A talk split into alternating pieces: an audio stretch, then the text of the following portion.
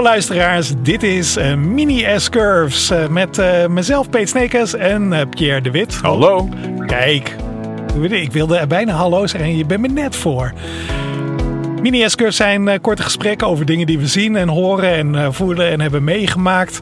In deze afgelopen paar keer ging het over uh, TOA Tech Open Air in Berlijn. Dat is een festival over van allerlei dingen die te maken hebben met innovatie, met technologie. Maar ook over healthcare en allerlei start-ups. Dus super interessant. En we hebben weer een greep uit de ton gedaan van de zaken die we hebben gezien. En we gaan er weer even drie behandelen.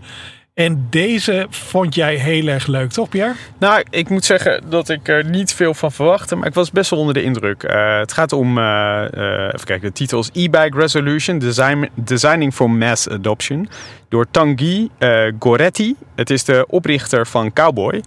Um, wat is Cowboy? Cowboy is een elektrische fiets. eigenlijk een soort van Van Moof-kloon. Zo zag ik het altijd. Ik heb, ik heb er volgens mij voor het eerst eentje drie jaar geleden gezien was niet heel erg bijzonder onder de indruk van, van de fiets. Tenminste, zoals hij eruit zag. En uh, ik bedoel, het lijkt gewoon op een Vermoof. Ja. Hij is zwart, uh, heel functioneel. Uh, ja, er staat dan cowboy op in plaats van Vermoof. maar in... Er zit ook zo'n houdertje op, hè, dat je de mobiele telefoon erin kan zetten. Ja, is me niet echt opgevallen.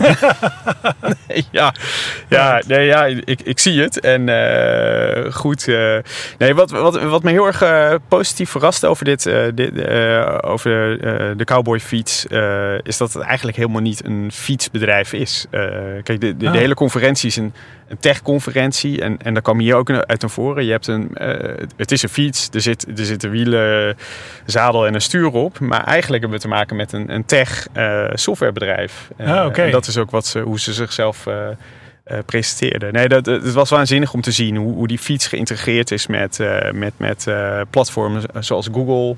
Ja. het, is volgens, het is volgens mij ook de enige die die integratie heeft. Hè. Dus op het moment dat je Google gebruikt en je, je gebruikt die fietsknop dan uh, zinkt hij je rit met je, ehm, met je fiets. Ja.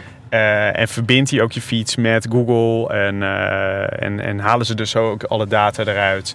Waanzinnig om te zien, want je, je kan dus ook uh, eigenlijk zoals TomTom dat ook doet met hè, het uitlezen van data van die, van die, van die navigatiedevices. Hè, kun je precies zien waar het nou druk is, hoe laat, hoe zit het met ongevallen, waar is het gevaarlijk, waar is het glad. ja. ja. Het was, eh, want eh, het zag er niet uit als een soort van normale Google Maps die je zag. Maar het was echt een applicatie waar een heleboel dingen, uh, verschillende dingen samenkwamen. Hè? Dus... Ja, dus de, de, de, Google Maps navigatie zit dan in je, je app, je, je ja. Cowboy app. Hè? Ja, en die zit dan ook, hè, omdat die, je mobiele telefoon dan ook aan je fiets vastzit, was het een ja, het is gewoon een smart fiets. Weet je, dus, dus uh, hoe het, niet alleen het reizen zit er dan op en de handige routes, et cetera. Maar ook, uh, het, ik zag een stukje over health. Er was een sociaal aspect zat eraan vast. Ik vond het best wel interessant hoe, ze dat hadden geregeld. En precies hoe je zei, ja, de presentatie die stond op het scherm. En ja, de fiets die stond wel een beetje op het podium. Maar daar werd echt nauwelijks over gesproken. Anders dan, en dat vond ik wel een interessante. Zeker gezien uh, het nieuws uit het, uh, het recente verleden. Is dat alles gemaakt was van um, uh, custom materiaal. Dus ik geloof alleen het zadel en nog een ander element. De zadel en de trappers, die, waren, die kon je gewoon overal kopen. Maar de rest was op maat. Ja, de rest is helemaal custom made voor uh, Cowboy. Ah, ik, vind, uh, ik vind het een mooi verhaal. We hebben allemaal gezien dat, uh, dat Van Moof het nu extreem moeilijk heeft. Ik, ik denk dat die als bedrijf meer bij het product zijn gebleven. En bij een, een, een mooi designproduct neerzetten. Ja. Uh, wat ook nog een hele opgave is, want ja, onderhoud dat maar eens. En uh, er kan van alles misgaan, want het wordt ook steeds complexer. Ja. Uh, Zo'n fiets. Zeker als het een elektrische fiets is. Nou, en dat, die cowboyjongens die, die hebben gewoon heel erg ingezet op een. Je hebt naast dat product ook gewoon een, de, de digitale aspect van die, van die fiets. En ja. dat, dat, schijnt, ja, het werkt heel goed voor ze. Ik vond het een indrukwekkend verhaal. Ik, ik vind het heel erg moeilijk ook, weet je wel. Dus, zeg maar, je hebt echt een compleet ecosysteem die je in de lucht moet houden. Dat is wat we nu ook, uh, waar, het, uh, waar heel veel nieuws ook nu over is. Ja. He, dus dat het elektrische aspect, he, dus zeg maar alles wat op het schermpje verschijnt, ja, dat werkt wel redelijk. Maar ja, als er ergens een stekker uitgetrokken wordt, per ongeluk of expres, ja, dan kan het dus heel goed zijn dat die fiets eigenlijk alleen maar weer een fiets is en geen niet meer zeg maar die duizenden euro's die je Nee. erin steekt. Nee, klopt. Nou goed, kijk, daar, daar denk ik dan dat ze nog wel eh, stappen kunnen maken. Als in van, eh, hoe, gaat het, hoe gaat het model? Ik bedoel, eh, je betaalt nog steeds dat enorme bedrag voor die fiets. Ja. Ja, waarom zou je niet net zoals, eh, hoe heet het, eh, de, fiets, de swapfiets eh, daar een heel ander model omheen bedenken? Ja. Eh, het actief eh, alerten van je, van, je, van je gebruikers bijvoorbeeld. Hè, als het heel glad is, dat soort dingen. Nou, dat, dat zit er nog niet in. Maar goed, die mogelijkheden hebben ze wel. Ja. Eh, vervolgens kan je dus ook hele leuke dingen doen met, met, met, met die data. Hè. Bijvoorbeeld van steden adviseren, van hoe gaan ze om met hun infrastructuur. Dus het geeft, het geeft Cowboy heel veel mogelijkheden. En dat, dat vond ik wel heel tof om te Ja. zien. Ik vond het ook heel mooi. Het was echt een soort van eh, experience eh, fietsen. Ja, nou, eh, hij, hij is nog wel eens in Amsterdam. Dus misschien kunnen we hem een keer als eh, spreker naar ons kantoor halen. Ja, ja, ja, het lijkt me super interessant. Ja. Ja. Check. Laten we eens kijken naar het volgende item. Want er was meer. En als je mij hebt, gaan we nu even switchen naar iets wat echt heel erg gaaf is. Ja, Vertel. Fixing My Broken Heart with Bioprinting. Nou, heb ik al, ik bedoel, hè, we kennen allemaal 3D-printen. ehm, ehm, waarbij je plastic door een nozzel heen jaagt, het wordt warm en dan kan je daar mooie figuren mee maken. Ja. En eh, dat is best wel tof. En met, met metaal en allerlei andere printen eh, vormen. Eh, hier gaat het over het printen van menselijk tissue. En ja, ik vond het op zich wel een grappig verhaal. Het begon met, even kijken hoor, de spreker was Lutz Kloken. Een wetenschapper eh, die zijn verhaal begint met dat hij een hele goede scientist is, maar niet zo'n goede presentator. Ik vond Vervolgens, Ik vond het zo briljant. Hij, eh, dat raakte mij zo enorm in het hart. ja, ja, want vervolgens eh, blies hij de hele zaal omver met zijn presentatieskills. Ja, ja, dat ja. deed hij ook aardig. Iedereen hing aan zijn lippen. Dus het was totaal underselling en daarna overdeliveren. Ja. Maar zijn onderwerp was heel erg interessant, hè? Want eh, jij zegt het nu wel even heel erg luchtig, zo van... Oh ja, dan wordt het in plaats van plastic komt er nu zeg maar een stukje weefsel uit. Maar dat heeft best wel veel voeten in de aarde, toch? Ja, nou, eh, nog even los van eh, de complexiteit. Even terug naar waarom we dit doen. Hè. Eh, kijk, als je kijkt naar menselijk lichaam, er zijn best wel dingen waarvan je denkt van, ah ja, oké, nou, bijvoorbeeld heupen, die vervangen we nu door titanium onderdelen. Eh, Ja. eh, hartkleppen die worden vervangen. Daar, daar gaat nu een, een, een, een, een, varkenshartklep gaat erin. Nou, dan moet je onderdrukken met antibiotica. Dus het zijn niet echt oplossingen. En, en dat is eigenlijk een beetje het vertrekpunt geweest van dit onderzoek. Eh, van Lutz. Ehm, en dat gaat, eh, of, ja, ik zeg onderzoek, maar inmiddels zijn ze wel veel verder, want ze zijn echt aan het eh, printen geslagen. Ja. Maar daar komt het wel vandaan. En ehm, Ze lieten geloof ik, en dat zeiden we geloof ik ook in een van onze eerste mini-S-curves, dat het, Hij was aan het, ze zijn nog aan het onderzoeken hoe het dit kan schalen en hoe, hoe echt en welke dingen je nou precies allemaal echt kan printen. Maar ze zijn nog niet eh, zover dat er een printer bij jou bij de huisarts staat.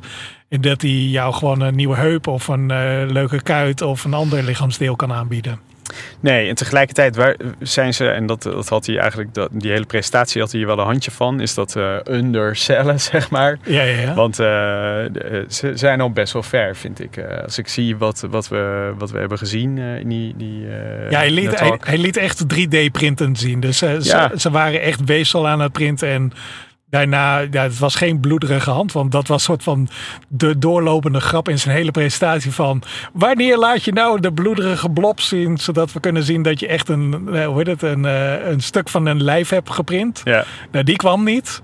Maar het waren wel, zeg maar, allerlei zaken die, ehm, ja, die uiteindelijk soort van prima kunnen leven in je lijf. Omdat ze ook gebouwd zijn van de elementen die in jouw lijf eh, zitten. Nou, sterker nog, je, je, je, je samplet natuurlijk een, stukje DNA van jou. En, Ja. en dus zijn het ook eigen cellen. Ja, en, precies, en gaat ja. jouw lichaam daar niet op reageren. En dat is eigenlijk ook de hele promise Ja, hè, die, die, die het eh, in zich geeft. Tegelijkertijd, nou goed, en uiteindelijk zagen we dus ook iets wat op een, op een soort van borst leek. oh ja. Wat als een impla- im- impla- eh, ja, implementaat, implantaat zou kunnen dienen, zeg maar. Stel, je hebt een, een borstkanker, je borst eh, laten weghalen. Dan zou je hem zo weer kunnen re- reconstrueren zonder alle nou ja, issues die je nu hebt met eh, implantaten die van, toch, ja, van siliconen zijn. Ja, En, precies. Ja. En dit is dan eh, echt van jou. En dat is dan weer Ja. Voor een heleboel eh, mensen, eh, of je nou, eh, hoe heet het, eh, of er nou een kunstborst is of een ander lichaamsdeel, Ja. dat het ook echt iets van jou is en wordt. Dat is toch, dat is hetgeen wat ook sentimenteel ook heel erg helpt bij het herstel van mensen. Ja, nou en wat ik, wat, wat ik van bioprinting weet tot nu toe, of tenminste wist, eh, is, is dat het echt bij in, in eh, Petri-schaaltjes en dat het toch echt heel prematuur is. En het is echt al wat verder dan dat ik had verwacht. En Ja. eh, dat is wel tof om te zien. Eens. Tegelijkertijd, eh, wat, wat, ook, eh, wat ook wel interessant was, is dat je natuurlijk naast gezond tissue kan je natuurlijk ook eh, ja, eh, eh, ziek tissue, diseases eigenlijk printen. Oh, wat ja. ook weer heel interessant is voor ja, het creëren van medicijnen. Want je kan dat op een hele andere manier veel sneller testen. Ehm, eh, ja, Ja, dus in principe mensen die op zoek zijn naar hoe kunnen we bijvoorbeeld een stukje kanker eh, goed bestrijden.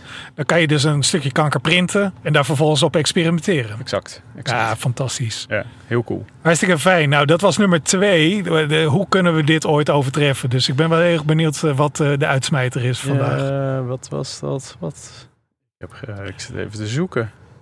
want we hebben zoveel gezien. We, moet je je voorstellen, we hebben een presentatie die zit helemaal vol met allerlei zaken. En misschien is dit ook wel. Dit, eh, hier was jij helemaal wild van, hè? Van die meneer die eh, met de RDNA eh, hoe heet het, eh, kwam presenteren. Oh, eh, Of M MRD. Oh jongens, help me even. en mRNA. Ja. Dus eh, dat, dan hebben we het over de messenger RNA-stukjes. Die dan ons moeten helpen om eh, bijvoorbeeld eh, in onze recente verleden. die ons hebben geholpen om eh, corona te bestrijden. Ja, wat, wat ik heel mooi aan dit verhaal vind, is, even kijken, de presentator was Ingmar Hoer. Hij is de grondlegger van de RNA-technologie. hè dus het, dat is precies hetgene waar alle vaccins Ja. op gebaseerd zijn. Ehm, ja, ondernemersverhaal. Ehm, als wetenschapper, student, betrokken geraakt bij een onderzoek. Eh, nou, niet, niet, niet zomaar. eh, Hij leidde het onderzoek, geloof ik. Hè? Dus eh, Ja. hij was echt. ik denk dat je hem de Mac Daddy van, van mRNA kan noemen. Ja, dus een nee, van dat- de dat is hij. grondleggers. Is ook een van de grondleggers. Ja. Inmiddels alweer twintig jaar geleden. En daardoor is de, de technologie ook... eh, de, de, de patenten zijn er vanaf. En daardoor kon het ook gebruikt worden door alle andere, andere, andere bedrijven, zeg maar. ja. Maar gewoon heel tof om te zien van waar komt dat vandaan. Dat is echt uit een keldertje, een idee, een, eh, het geloof daarvan. Eh, in, in dat dit gaat werken. ehm, ehm, maar dat ook uitwerken vervolgens. En eh, ja, dat er zit gewoon twintig jaar hard werken in en passie. En eh, nou, het, het heeft hem geen windeieren gelegd. Maar het, ja, Nee. ik vond het cool om dat stukje ondernemerschap te zien. Zeg maar. Inmiddels werkt hij niet meer bij CureVac. Hè, het bedrijf waar hij voor wat, wat het groot heeft gemaakt. Nee, precies. Ja. En ehm, heet het, hij zei wel, want hij, ze vroegen zo van: God, moeten we investeren erin of niet? En eh, hij zei zo van, eh, ondanks dat hij zelf geen eigenaar meer was, zei hij van ja, ja, ja, nee, dat moet je echt absoluut doen. En het interessante, wat ik er heel erg eruit haalde, want uiteindelijk eh, wordt zo'n onderzoek dat betaalt zichzelf niet in één keer. Dus zij waren eigenlijk op zoek naar investeerders. En die investeerders, die vonden ze dus niet in de hele grote medische bedrijven.